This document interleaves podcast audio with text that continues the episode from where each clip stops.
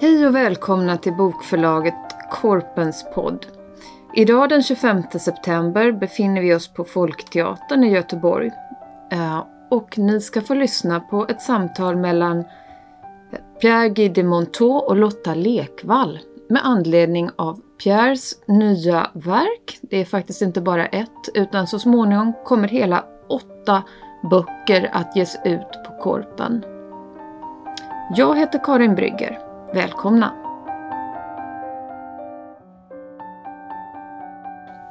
Idag befinner vi oss på Folkteatern i Göteborg. Eh, och ni ska samtala, eh, inte minst med anledning av att Pierre, dina böcker, Företagets filosofi, band 1 till 8 är aktuella på bokförlaget Korpan eh, denna hösten. Lotta Lekvall, du är här som samtalspartner eh, eftersom du är VD för Folkteatern. Du har också jobbat på Nätverkstan och har en, eh, en bred insikt och erfarenhet av eh, både det småskaliga kulturlivet och det större kulturlivet. Eh, Pierre, du pratar och skriver mycket om begreppet engagemang. Så jag mm. tänkte att ni kanske kunde börja där någonstans. Engagemang och handling, att göra saker och ting. Som till exempel göra teater, göra mm. konst, vad det nu kan vara för något. Mm. Och du är mitt uppe i det. Du är ju ledare för människor, kanske jag själv också, människor som ska göra konst, göra saker med engagemang. Mm. Klara, är det svårt att få engagemang? För att det jag har upptäckt med de företag som bara håller på med konst, alltså till exempel teater, till exempel museer, till exempel så, vidare, så finns det en, en grund av um, sorg ibland. Alltså den är naturligtvis inte dominerande, va? men folk är, är eh, ledsna ibland för att de ser att de har möjligheten att göra massa saker men så liksom gnistan ibland försvinner. Va? Mm. Och jag vet inte, men det verkar för mig vara det viktigaste i att leda en teater, att se till att den inte försvinner och att den inte gnistrar till så hela jävla grejen smäller i luften som en stor krutdurk. Eller vad? Kan jag tänka mig. Ja, men jag tycker att engagemang är definitivt en eh, grundbult och någonting som ju gör att det driver framåt. Eh, både för en teater och, och i eh, kulturlivet på något vis. Men man kan ju också filosofiskt fundera kring vad är det som gör att engagemanget sen blir en handling. Men jag tänker, eh, ja, jag tänker mycket på det ni gör på Handels med att, att böka in konst in på Handelshögskolan i Stockholm och vad det betyder. Och där jag funderar över, är det ett sätt, tänker du, att och vidmakthålla eller bidra till ett ökat engagemang? Ja, när, vi, alltså när vi jobbar med det här på Handels, förlåt, som är, är då basen i detta, är ju att det finns en chef en teaterchef på Handels va? som heter Lars Strandegård och som råkar vara helt engagerad i både det Handels undervisar i och konsten och vill plocka ihop de två. Och det är ju naturligtvis en fantastisk möjlighet. Det har givit mig möjligheten, unika möjligheten att genomföra praktiskt grejer som jag skrivit tjocka böcker om som kommer ut här på Korpen. Va? Så att, eh, men det, det, där, det första du säger, det ligger någonting i det där som är intressant. Du tar engagemang. Alltså det är handling. Engagemang är handling. Du sitter inte och är engagerad och säger att Åh, jag är jätteengagerad. Oj, vad spännande, vad roligt och vad kul. Det är inte engagemang, utan engagemang är att du kan liksom inte separera det från att plötsligt rent fysiskt hoppa runt som en galning och försöka, nu måste jag göra det här. Va? Mm. Förstår du? Mm. Så, så, att det, det här just, jag tror att det är viktigt att inte separera det. Mm. Eh, och när det rusar in någon på ditt kontor så är det ju väldigt, antar jag, väldigt mycket ditt jobb att fundera på, ska vi låta den här energin eh, spruta vidare va? och har jag möjlighet att göra det och sådana saker. Det måste vara jättesvåra avgöranden. Alltså, någon kommer att säga att jag vill sätta upp eh, James Joyce, eh, hela jävla produktion i originalet kommer att ta åtta timmar och det är en jättebra grej. Vad säger du då? Mm.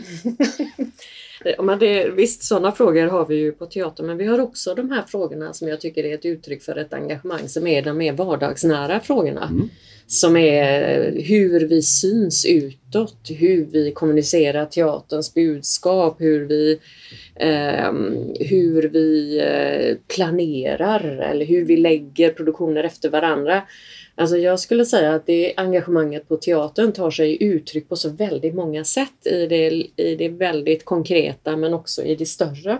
Mm. Och, och jag skulle väl säga att det är svårt att jobba på en teater om man inte tycker att det engagemanget är en ehm, är något positivt. Alltså, att det är en an- ja. positiv drivkraft. Nej men visst, det, det intressanta när jag eh, skrev den här boken om konstföretag, vad är det? Va? Då tog jag ju teater som, som utgångspunkt. Precis. Just därför att det är en kombination av ett eh, tekniskt gnetande eh, och ett, ett skapande. Va? Och de där två, två bitarna, alltså med det tekniska, det, det praktiska administrativa också kan du kanske säga, eh, och konsten måste gå ihop på något vänster. Va? Mm. Och jag var ju nyfiken på att se hur, hur ett ställe då till exempel som jag var på, som var i Volksbühne i Berlin, hur de lyckades hålla intresset uppe i hela stan, i hela Tyskland snart, Mm. för sin teater. Och vad var, hur gjorde de då det här? Mm. I en situation som ju var länge sedan, va? det var ju början av 90-talet, där man hade kastat ut eh, 75 procent av arbetskraften Mm. som man hade på DDR-tiden. va? De hade inte med, hade helt, personalen var jätteliten. Då. Hur skulle man hålla denna gryta kokande? Va? Mm. Det var grejen där. Och vad, var, vad, vad, vad tycker du var... Hittade du någon nyckel till det? Eller ja, alltså jag hittade en, en nyckel i ett, ehm, eh, låt oss säga, ett, man an, alltså den chef som fanns där, du då till exempel, var här och idag, en annan situation, fullständigt annorlunda mm. situation, Frank Kastorf, eh, han hade ju kring sig ett gäng som, han var ju inte ensam, men hade ju kring sig ett gäng som stödde honom. Och du och jag har talat om det här tidigare, men på, på en, den stora eh, planeringsingenjören på en teater är för mig dramaturgen. Som alltså hittar teman som presenteras på scen som om de vore totalt nya. Men som egentligen i det här fallet i Tyskland byggde på att den här dramaturgen han har gått ner i arkiven. Han visste precis vad fan den här teatern gjorde på 1920-talet. Mm. Och när man tittar i arkiven igen för att vara på scen så förstod man att han hade tagit massa idéer därifrån och kombinerat det hela. Mm. Och sen fanns det då en slags eh, magikänsla hos eh, Kastorf och så. Va? Mm. Så att det där var, det där, och hela stället var ju den teater som jag besökte då, den eh, levde ju väldigt mycket i kantinen. Va?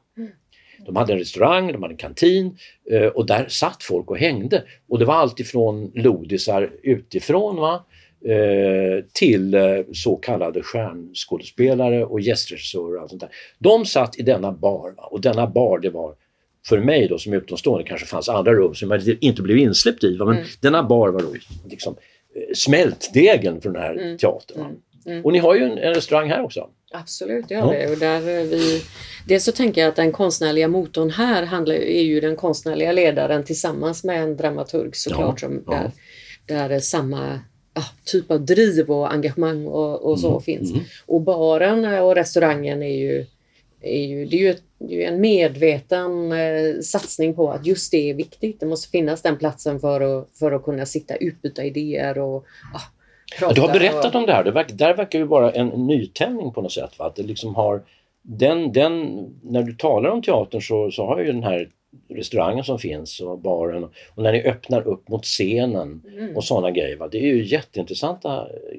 saker som du gör som, som ju är del, alltså som är förmodligen kärnan i din management skulle jag säga. Eller? Ja. Ja, det är, en, det, är en, det är en bra fråga. Jag, jag tänker ju alltid att alltså, vi är ju flera på teatern. Så att det, det som, som jag tycker konkret händer det är ju när management och, och det konstnärliga möts. ja. Och vi har ett liksom väldigt fint samarbete utifrån det. Konstnärlig ledning och VD då. Mm. Eh, och jag, jag tänker att där någonstans, och det är där jag hamnar när jag läser din Konstföretaget eller Svung eller så, så, så tänker jag att det, det är det som är det unika när det lyckas att mötas. Och det är en svår sak, för det är inte alltid som det går. Att förvalta det konstnärliga engagemanget eller ta tag i det eh, utan att det kvävs av alla managementfilosofier som finns Mm. och som vi idag är ganska pressade av när det gäller till exempel eh, New Public Management och så. Så, så jag skulle säga att för att det ska lyckas så måste vi hitta varandras eh, delar och när, när man gör det då finns det väldigt mycket man kan göra. Oh ja, jag menar det gör du. Du gör en fantastisk produktion och så. Du talar om New Public Management och jag menar det som jag har skrivit i de här böckerna det är väldigt mycket kan man säga liberalismens vagga. Då snackar vi början av 1800-talet och Mm. anarkism och alla sådana saker som absolut inte kopplas ihop med New Public Management Nej. och inte har något med det att göra heller. Va? Nej, nej. Utan det är något annat. Så jag tror att den där, och jag vet att det, det, det är huvudverk för alla som håller på med kultur och är utsatta för politiker som har gått någon kurs och säger att så här ska vi driva det, då blir det bra. Va?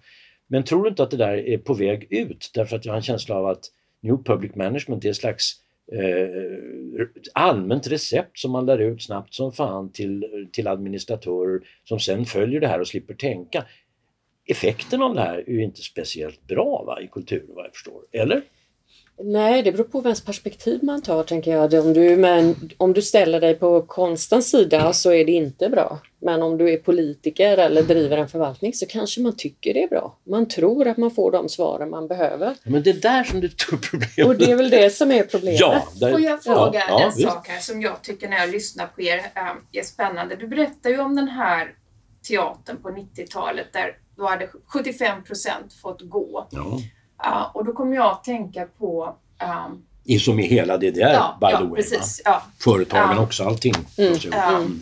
Den här pistolteatern tror jag det var i Stockholm någon gång på 70-talet där man äh, till exempel lät folk, eh, vem som helst kunde bli skådespelare om de började gå dit och Mm. utöva skådespeleri. Mm, mm. Och där man eh, aldrig hade en pjäs längre än tre veckor. Om den inte gick väldigt dåligt, då hade man en längre. Mm, mm. Eh, och att det liksom... eh, finns det någonting, och också nu när du pratar om att konsten, eh, det är inte så bra för konsten men eh, politikerna tycker si. Eh, jag tänker att det här med motstånd för det måste ju funnits en känsla av att man vill göra motstånd man får den där teatern att lyckas ändå. Eller man gör Oh ja. motstånd mot att ni skär ner liksom. Eller har det någonting med detta Jag att vet göra? att, ja, okej, New Public Management, det, det ska vi... Jag, tror, men jag är en optimist, jag tror att det ebbar ut i sin värsta form. Va? Jag tror att det är en, en, en, en återvändsgränd för politiker som vill göra karriär utan att intressera sig vad de leder. Va? Utan de tror att det här är ett recept. Va? Sen talar de om motstånd. Jag är motståndare mot motstånd. Alltså jag tror att, jag hade en, en, en, en diskussion med en kille som heter Bruno Latour som är en, en antropolog kan man säga, ganska poppis i akademiska sammanhang. Va? Eh, och han sa motstånd, det, det, det, det där är någon slags eh, dröm man har. Man ser sig som, som eh, Jean Moulin i motståndsrörelsen i Frankrike. Man sitter och dricker sitt vin och ska just arkebuseras och ha slowcut och allt sånt där. Det är en massa grejer som hänger ihop med det där som, som liksom inte stämmer överens med hur det är idag. Och jag kommer ihåg när jag intervjuade Christo en gång i tiden, så sa han ju det att ja, det är klart att jag har projekt som har gått åt helvete. Men vad vi gör då, och det var hans fru då, Jean-Claude och han, vad vi gör då är att fundera på vad var vi inte tillräckligt intelligent alltså? Vad, vad, vad var det som vi gjorde fel? Och så försöker vi undvika det nästa gång vi gör det. Va? Så att motståndsgrejen, den, den, den, det, det är ett stort kapitel av verkligen att diskutera. Vad är det för någonting? Hur Ja, jag tänkte mer här Mm. liksom motståndet mot äh, äh, att äh, ja, på 70-talet antar jag att man ville göra uppror mot borgerligheten. Äh, men ähm, att Ja, ja, men mot, mot nedskärningar och så, så här, att, det kan finnas ett driv i att vilja hålla sin teater vid liv. Extremt. Att, att, Mm. och det, man kan kalla det motstånd på ett sätt, men man kan också kalla det att säga ja till teatern och engagemanget. Man kan ju lära sig av historia hela tiden. Va? Så att, Mm. men jag ska inte bli långrandig där och avbryta mig när jag liksom blir, blir för långrandig. Men alltså i början av 90-talet på, i, i Berlin så var det just det. Ehm, man hade från väst, public management, vad vet jag, den typen av tänkande som fanns i väst, så sa man att det här är ju vansinnigt. Här har vi i Berlin 30 teatrar. Va? Vi har tre stycken stora jävla operahus alltså. Titta på budgeten vad dyrt det är och sådär. Va? Eh, om man tittar i backspegeln så la de ner tror jag, två av de här 30 teatrarna. Och ser man hur staden, jag tänker på Göteborg, Berlin, kanske en dålig jämförelse, men okej. Okay, hur staden fungerade så hade man en, en kille som var kulturansvarig för alla teatrar som hette Ivan Nagel. Och han sa, nu ska vi ge uppdrag till varje teater att renodla sin, sin profil. Mm. Och uppdraget till den här Frank Castor var att vara nu alltså extrem i dina grejer. Va? Och på det han gjorde på den tiden på scenen, det hade alltså eh, nickname, alltså Urin Ruin. Va? Så liksom det var bara splatter och vansinnigheter och mm. crazy och allt för Gör, gå nu här direkt, sa man från staden. Va? Mm. Nu, nu Frank, du kör din grej, va? så kör de en annan grej på den teatern. Så Folkan gör den och Stadsteatern gör en, Operan gör en tredje, jag talar Göteborg. Va? Mm. Så att det fanns en, en, över, en planering i hela stan för hur det här skulle vara. Va? Och, och Kastorf han var med och lekte i det där alltså. Men du vet, eh, om du tar nedläggning och motstånd, ja det är klart det var de som var motstånd till att överhuvudtaget Berlinmuren föll. Va? Mm. För det var där liksom mm. möjligtvis mm. roten till det och, allt, och så vidare. Men det är en, det är en annan historia. Mm. Alltså. Men motstånd är ju liksom, ja det är intressant. Jag skulle, jag skulle säga att bara det att driva en konstnärlig institution och sätta konsten i fokus kan uppfattas som en mot, ett motstånd. Mm. Inte för att vi själva intalar oss att vi gör en motståndsrörelse utan själva handlingen att ändå stå, stå för det och den konstnärliga friheten kan ja. liksom i, i vissa fall uppfattas som det. Och det är ju intressant om man tar den frågan för ganska nyligen så kom Myndigheten för kulturanalys med den här rapporten om armslängds avstånd ja, ja, där de också visade kritik och det handlade ju om kan man säga, New Public Management kanske man kan säga ändå i alla de här kryssrutorna är saker som vi ska fylla i och andra inom konsten mm. för att man ska få uppdrag och det kan man tänka i konstnärlig styrning. Och gör man inte det, ja då utför man kanske en motståndshandling därför att man försöker att fria konsten. Och ja. det intressanta är att den, den kulturanalysrapporten är ju inte, det är ju ingen ny fråga. Detta har diskuterats i ja, massor av år redan. Där liksom utvecklingen så som den har gått, eh, vi som jobbar där, där konsten är vår huvudsakliga syssla. Eh, liksom det ska ju bli konst här, det är ju det alla vi tillförs, vi som jobbar på teatern. Eh, så men låt oss ja. säga så här alltså, att jag jobbar nu med, med, just nu så håller jag på eh, med ett projekt med en fransk filosof som heter Gaston Bachelard. Och eh, han var existentialist, fenomenolog, kalla vad du vill. Nej, kalla det inte vad du vill, för han var existentialist och fenomenolog. Han skulle man kunna säga äh, var besläktad med Heidegger va? Och, och, så. Va? Då ser du på Heideggers sätt att se på tillvaron. Den var inte speciellt optimistisk. Va? Mm. Den var ganska, och den ledde också helt klart till eh, inte speciellt optimistiska lösningar i dåtidens Tyskland och efteråt. Va? Och så ser du Bachelard som har samma bakgrund, som hela tiden talar om lyckan att hålla på med filosofin. Va?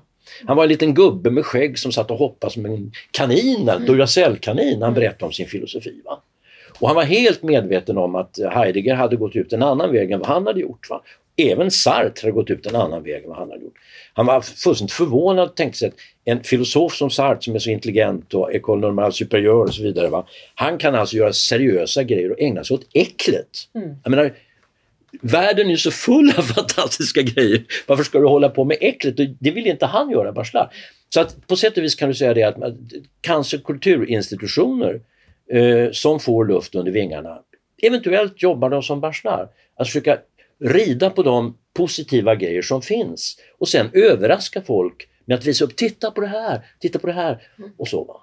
Och det är klart att om du kommer in och diskuterar management med någon som har gått en kurs i public management, då får du inte en sån diskussion. Men jag kan tänka mig att om du kickar upp dörren och säger ”Kolla här, kom med den här grejen” och sådär. Så är det någon jäkel som då är intresserad av handboll istället som säger ”Men det där var ju jävligt läckert alltså” ja, men, mm. Det är på den nivån mm, kanske man, ja, man gör grejer. Mm, mm, mm. visst.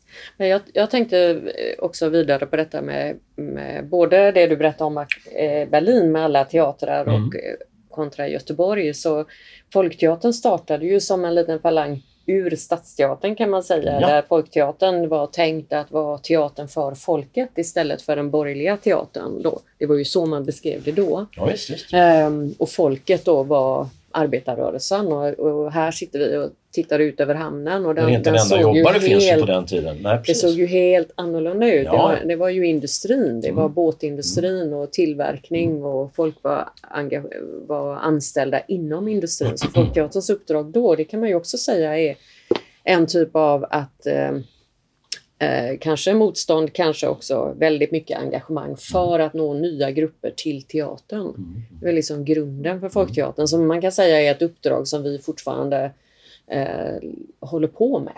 Hur når man nya grupper? Och då, då är det ju precis som, som du säger, det vi, så, så som vi skulle säga att vi gör så handlar ju det om att visa vi sätter upp en produktion. I höst sätter vi upp Rövarna som Frida Röhl, vår konstnärliga ledare, regisserar hur kan vi kontextualisera den? Hur kan vi presentera den i olika format till publik? Det ena är att öppna dörrarna och ha en nattrepetition så att eh, en ung publik kan komma in. Det andra kan vara att göra en workshop där man får eh, titta på vad, vad är idealism eller vad är rövarna? Och, det, det, kan vara många olika frågor, ja. många olika sätt att möta den konst, teaterkonst ja, ja. som vi håller på med. Du vet, det är också väldigt, väldigt kul för mig att komma här och snacka med dig här när du håller på med...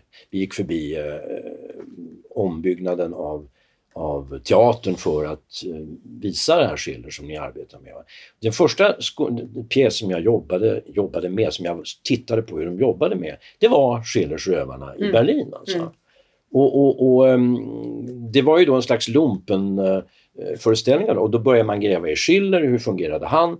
Ja, han försökte ju smuggla, hans, hans text som du vet då, den kom ju ut utsmugglad ur något jävla grevskap eller furstendöme eller vad det var. Va? Han var i Mannheim och så sattes det upp i, jag tror det var Stuttgart eller vad det var, som var ett helt annat land på den tiden. Va? Kommer ut där i hemlighet. Killen är fortfarande, alltså Schiller, är fortfarande på sin internatskola inspärrad. Va? Och då får gänget höra där att nu har du en pjäs som drar fulla hus här bredvid. Va?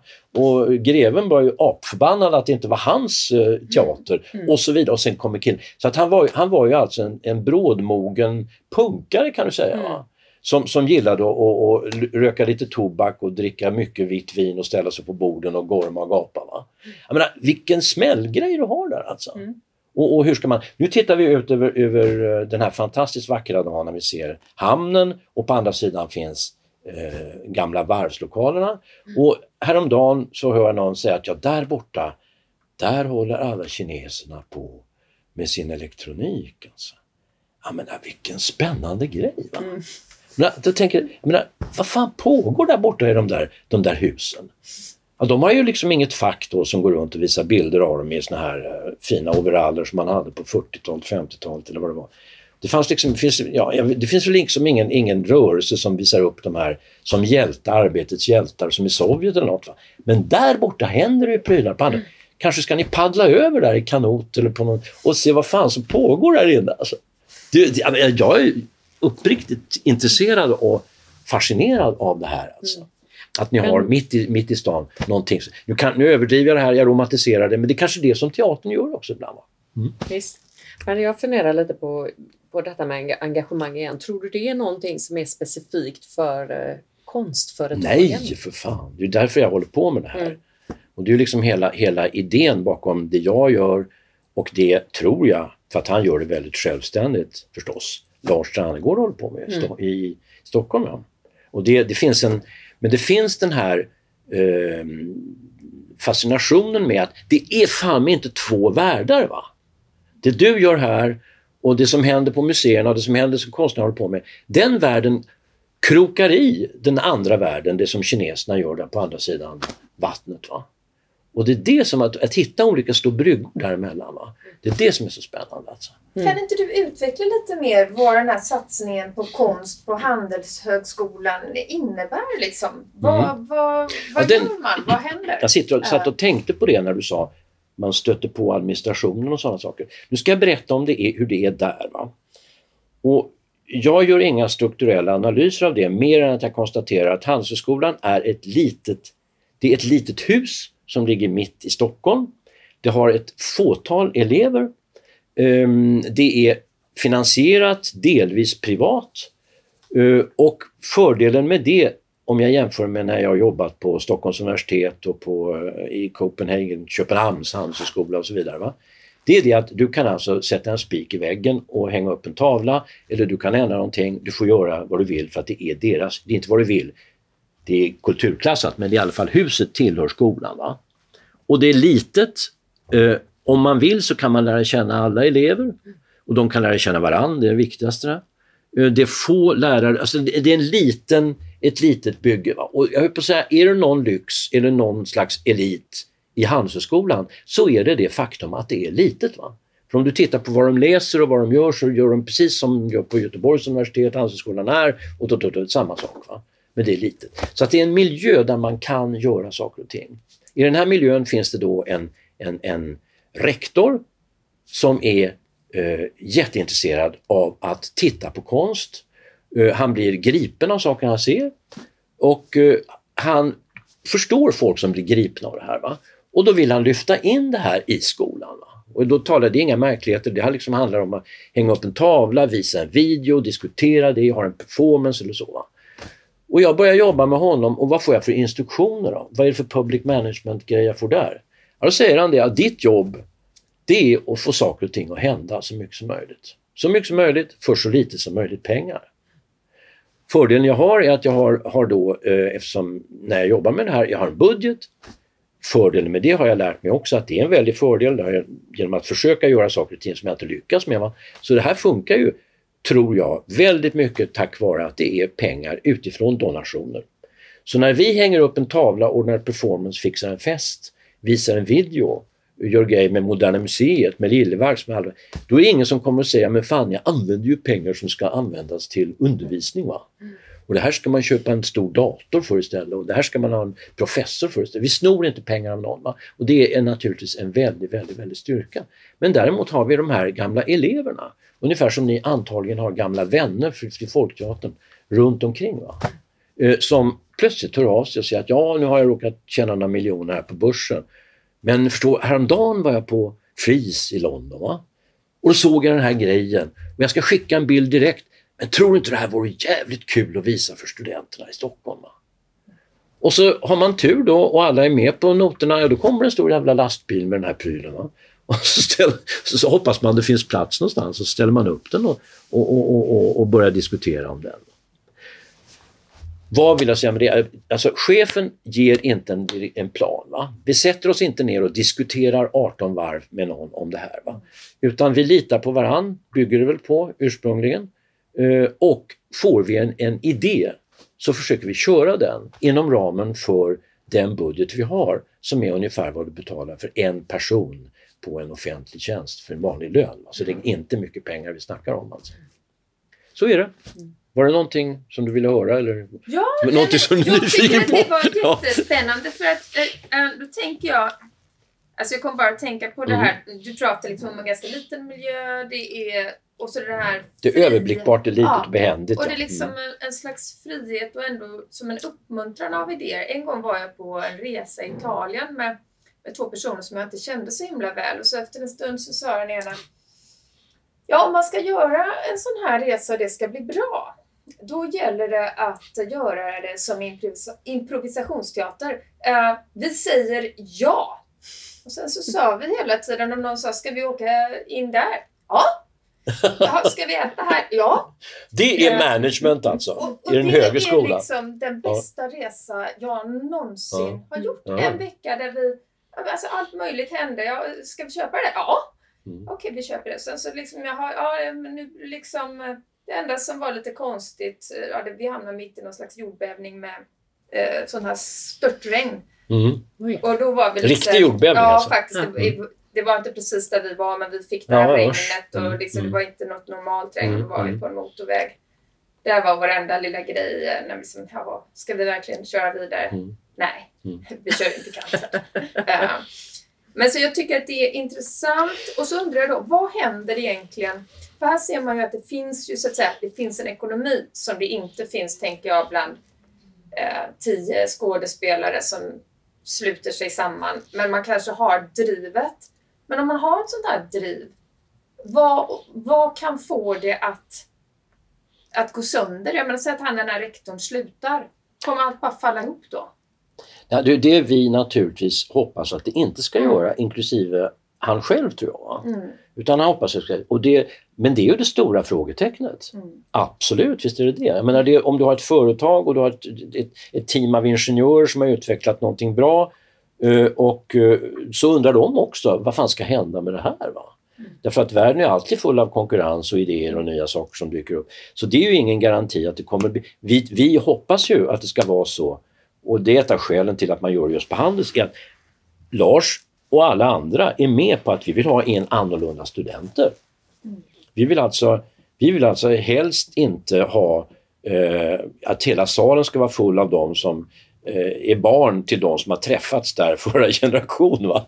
Och, och liksom eh, jättetrevligt, jättemysigt på alla vis, men gud så inkrökt. Va? Utan det gäller att öppna upp det här. Va? Och det är det som är poängen. Va? Så att eh, vi vet inte, där, det kan, vi hoppas naturligtvis att de som krockar med ett konstverk tio år efteråt, för det tar ju ofta så lång tid, va? säger att ja, vad, vad var jag krockar med? Det här är kanske intressant, det kanske kan fortsätta med. Va? Och eh, så långt har det ju gått jättebra diplomatiskt, eh, politiskt kan man säga, ekonomiskt, att Lars har lyckats övertyga sin egen styrelse va? om att det här är grunden för att bygga och förnya skolan. Va? Och, och, och liksom det, det, det är de... Du talar om motstånd. Det är lite eh, frågan alltså. Vi stöter på extremt lite motstånd. Vi måste rätta mun efter matsäcken för att vi har max eh, 60 000 till varje projekt och sånt. Va? Mm. Och, och det tycker man är mycket när man börjar men sen fattar man att det är inte så mycket. Och det, det måste man ju tänka på. Va? Mm. Men, men, men annars så är ju folk är ju entusiastiska kring detta. Och det är klart att majoriteten av studenterna de, de, de gillar att festa, de gillar att snacka med andra studenter som de sen kommer gå ut och göra karriär med, arbeta ihop med och så vidare. Men de tycker också det här är kul. Mm. Eh, utan att överdriva, liksom, det är ingen, det är, alla kommer inte känna sig som konstnärer som går där men, men det finns en optimism va? och det finns en, en entusiasm och väldigt lite motstånd alltså. Men Hur där, gjorde ja, ni när pandemin kom? Mm. För det kan man ju säga är lite av en sån här... eh, jag menar, om, om, om vi pratar om... Mm. eh, Liksom, eh, det är ju inte som att rektorn dör, men eh, det är ju ändå lite så här... Det skulle kunna... nej, men vad Ja, händer? vad. Ja, om man sätter, pandemin talar jag om, jag skulle också vilja fråga Mm. eh, vad hände när Lars Norén stack? Ja, det, det, det, det är liksom inte du som tog Nej. hand om det direkt då, men Nej. det är sådana grejer. Såna Ja, grejer. det, ris, risken är ju, och det, det är så är liksom om man har den här positionen, konstnärlig ledare eller VD eller rektor Mm, mm, eller så, att en person som då har det här fulla engagemanget och driver kanske också lite emot strömmen, att det blir ett vakuum när den personen Ja, ja. stannar. Ja. Och det jag tänker på, på um, Handels är ju att ehm, Utmaningen är ju att få den processen med konsten som en naturlig del i Mm. handelsutrymmet och som en del av ekonomistudier. Mm. Och där, det skulle man ju vilja att det lever kvar även efter att en person försvinner. Mm. Eh, i- eh, sen så tänker jag som i teaterns värld när det kommer en ny konstnärlig ledare och en ny ledning då sätter man ju väldigt mycket avstamp i, i en ny process som man Ja, tänker. Den, det blir en annan konstnärlig vision och det blir någonting annat man plockar upp och jobbar vidare med och ett annat liksom, engagemang Mm. som, eh, som är viktigt. Och det är väl teaterns storhet att det inte är samma hela tiden utan hela poängen är att det ska vara olika konstnärliga visioner vid olika tidpunkter men att också bära en slags historia. I vårt fall är ju historien på något vis att vara en folkteater och försöka men att också våga omdefiniera det i olika tidpunkter. För, för folkteatern ska inte idag vara vad det var på 50-talet Nej, nej, när det startade eller nej. 60 eller 70-talet när, när eh, till exempel eh, när man talade mycket om det. Eller Lennart Hjulströms tid som man pratar mycket om. Här, Andersson, som- liksom ja, hela, var jag, jag, en, en, en historia som är för enorm. som, ja, och som var Mm. jätteviktig för teatern eh, och så. Men vi ska ju inte må- Målet nu på 2021 är ju inte att reproducera utan det är ju att omformulera och hitta vad som är, vad som är nuet. Men Peter Wahlqvist som, som jag hade en del att göra med och som, som öppnade upp Stadsteatern och som faktiskt tack vare honom som jag kom i kontakt med Folksbyn. Han god göteborgare med fin proggig bakgrund och allt sånt där. Va? Men han, han sa ju det som man tyckte då var häpnadsväckande att "Åh, teatern saknar minne. Mm, mm. Det var liksom ett slagord. Va? Kom ihåg att, och det, det du sitter och säger att det kan kanske vara en jävla styrka det alltså, att man saknar, saknar minne alltså. Och- Jag skulle ju inte beskriva det som att man saknar minne, men det är klart att det är viktigt för, eh, för den som är konstnärlig ledare att också få en möjlighet att sätta sin konstnärliga vision Ja, ja, ja. Och, driva den fullt ut. Och det visst. gjorde de ju i, även i Berlin. eh, Absolut. Att det är det man gör. Man har en idé, man driver den fullt ut. De drev den fullt ut, de drev den i helt vansinnig riktning. Va? Eh, Och det, eh, givet hur det var just då, man kan inte göra om saker och ting, va? men det fungerar väldigt bra. Och när man skrapade på ytan förstod man att det var inte remake av vad som hände på 20-talet. Nej. Men de fick styrka och liksom gå i hemlighet nästan va? Mm. och läsa vad som hände där. Va? Så att liksom, eh, historien ska du inte upprepa, va? men du kan alltså få, få idéer ur det. Absolut. Så är det. Jag vet inte om, och jag sitter och funderar på en sak som du sa tidigare, det här Italienresan. Mm. Det finns ju en, en, en, och det är ju det som du hela tiden, jag försöker undvika det där så mycket jag kan. Va? Så, Men det, det är ju detta att det finns trots allt vissa strukturer, saker och ting kan gå först åt helvete, balla ut Mm. totalt. Va? Du, Mm. du har ingen koll på budgeten och folk super ihjäl sig och du, jävla liv och tidningarna tycker inte om dig och ingen tycker om dig och så vidare. Så det, kan- så kan, det kan ju naturligtvis alltid hända. Men i teatern som jag upplevde det då, när jag höll på med det här, så finns det också bland, det finns en oerhörd professionalitet där du alltså kan leka men inom ramar. Va? Mm. Och du vet precis när de här på något vis, hur, hur vet jag inte, det är mystiskt alltså, men det är också en sån här managementkunskap ni har som är jätteintressant. Hur vet du att det alltid blir premiär? Det finns ta med fan bara Försteslickarna och Lars Norén i Stockholm för 75 år sedan och sådär, som inte hade premiär. Va? Och de andra grejerna, de, du, du, hur, hur galet som helst, men produkten kommer ändå fram och alla sitter där och förhoppningsvis applåderar. Va? Fan klarar du det? Liksom det ja. Mm. Och det, det är ju alltså, det är en professionalitet. Va? Men det är ju en intressant fråga. Vi, har, vi är ju omgivna av byggen här nu. Det, det. Ja. byggs hotell och det byggs eh, inne i den här Folkets husbyggnaden och det byggs inne hos oss också. Ja, visst. Ja, ja. jag, då har jag också fört, det, fört fram det flera gånger att för en teater, vi kommer till premiär. ja, visst. Nästan oavsett. Det är mirakel kan jag är, säga. det, Det, alltså. är, det, är liksom, Mm. det är heligt och det är i undantagsfall man inte kommer till premiär och då är det av olika Någon är anledningar. sjuk eller någon dör eller sådana Ja, hemska visst, precis. Mm. Medan bygget, de förflyttar sin premiär eller sin deadline hela tiden. Jaha. Ja, I, I de här bygg, det inte- bygg, Ja, byggjobbet där är alltså? det inte heligt utan då blev ja, det ska vara slutfört till ett visst datum och då blir det en annan vecka eller en annan vecka eller en annan vecka. Mm. Jag tycker ändå det är intressant och då tycker jag också att det är intressant att inte eh, man värdesätter den kompetens som till exempel finns på en teater Ja, i mycket högre grad. Eftersom vi nu lyckas att komma till premiär Mm. så tänker jag det är ganska storslaget. Vad är det vi gör? För det är ju inte det att det är Mm, absolut. problemfritt. Det är ju Nej. miljoner problem Mm. och frågor som ska lösas på vägen i väldigt konkret praktisk handling fram till dess att det kommer till premiär. Och en grej som är helt klar, jag har sån här praktisk erfarenhet av det här för att jag sätter in bredband eller så någonting och det går aldrig, blir aldrig klart. Va? Och jag försöker förstå varför det aldrig blir klart alltså. Och, och en grej som jag tror alla har erfarenhet av är att ett skäl kan vara att det hela tiden är underleverantör på underleverantör på underleverantör på underleverantör. Va? Så till slut kan ingen svara på vem det är som har ansvar för de här olika praktiska grejerna. Ja, det, eh, det kan man ju säga, men på en teater så har vi ju 15-17 Allting olika är i huset. yrkesgrupper. Ja, Mm. och det är ju en jäkla... Men det- det var någonting som, för när jag höll på med det här eh, för 20 år sedan vad det var, då var det någonting som liknade ganska mycket en gammal fabrik. Va? Mm. Men idag gör det inte alls det. Och idag har ni alltså kompetenser att få saker och ting levererat.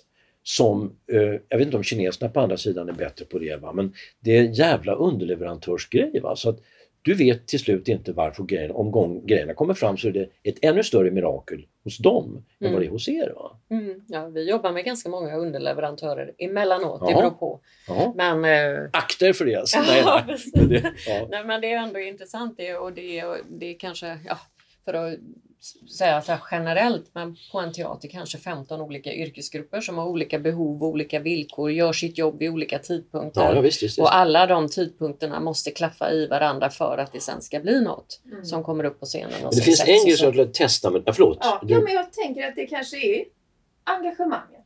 Mm. All, alltså att premiären är en sån liksom brännande grej. Att Mm. engagemanget ser till att man kommer dit. Nu tänker jag ju liksom att Ja, du, jag känner precis igen bara den här underleverantörsgrejen. Eller man ska liksom lösa något med sin telefon. Eller Ja, precis. Det var det jag hade. Det problemet jag hade. Eller, Va? Ja. Jag hade dataservice på... Ja. Jag jobbade även på högskolan. Mm. Så till slut så sa jag, vet, vet ni vad? Jag tror att jag kan lösa det här Ja, själv. precis. Ja. Kan jag få lov att prova Ja. eh, liksom att vara fri ändå? Kan jag få prova det? Det tog tre minuter så hade jag löst problemet. Och då tänker man så här, kanske ibland man måste kunna lösa saker själv. Eh, och att där, min man är ju från Danmark. I Danmark så finns det en slags, eh, jag ska säga, improvisation. Eller man, man säger, ja ja, men eh, okej liksom. Också vi kan, väldigt kan mycket- lösa ja, det här. Ja, ja. Mm. Uh, Medan här så som nej. Här, när han skulle bo här få sitt svenska pass. Det var liksom, gick, det, Svårt, ingenting gick igenom. vi Och till slut så, så, så, så, så, så, så, nu vill jag prata med din chef, så, så, så, eftersom det har gått igenom i hans hemland så tar jag det till EU. Där finns ett prejudikat om ett land Mm. Har dömt så att säga, till fördel för individen så ska ni också göra det. Kan vi lösa det här nu? Mm. Jag bara, ja, du kan hälsa din arga man att det väl går bra då. Så jag bara, okej. Så det var också... ehm, Men det där, det, det kanske, det, jag menar, när vi sitter och talar om det här, så kanske just det här att, att leverera och engagemang och vad det betyder och sånt är någonting som, som är en verklig kompetens i teatern som är jätteintressant för Mm. väldigt många. Det finns en annan grej som jag vill testa med dig Lotta och det är det, när jag, var, när jag höll på med det här va, då upplevde jag hur det var när det kom in gästregissörer, hette det va. Eh, och det var ett mycket speciellt fall. Han hette Bob Wilson och hade en stor grej, jobbade och gjorde en helt annan teater än den som gjordes vanligtvis. Va? Eh, och då blev plötsligt några, inte alla, men några skådespelare, det här vill vi pröva på. Det här är ett sätt att jobba på som är annorlunda. Här vill vi vara med. Va? Så man fick anmäla sig och, och han fick ett helt gäng som gjorde en uppsättning där. Va? Och då tänkte jag det, det här med gästregissör, som det fungerar, som ett injektion, ett nytt sätt att jobba på och så blir det en produkt, en föreställning. Och så. Det vore ju fantastiskt om man hade sådana gästregissörer i, i, i företag, vanliga företag. Va? Mm. som gjorde, ja, man kan tänka sig enkelt eh, till, till mode, va? man gör en kollektion. Men vad, vad skulle kineserna på andra sidan, hur skulle de, eller de kanske redan gör det, att de har folk utifrån som kommer in och som verkligen får jobba, inte konsulter som bara ger råd, va? utan folk som vill jobba, göra saker. mm. Det, var, det där var alltså en väldigt intressant grej. att Mm. Plötsligt började en teater som hade jobbat med gammal psykologisk och motstånd och hela gänget. Va? Plötsligt gjorde de saker med någon slags surrealism från New York alltså. Tyckte det var Mm. jättekul. Alltså. Mm. Vi kanske ska sluta där med Va? Nej!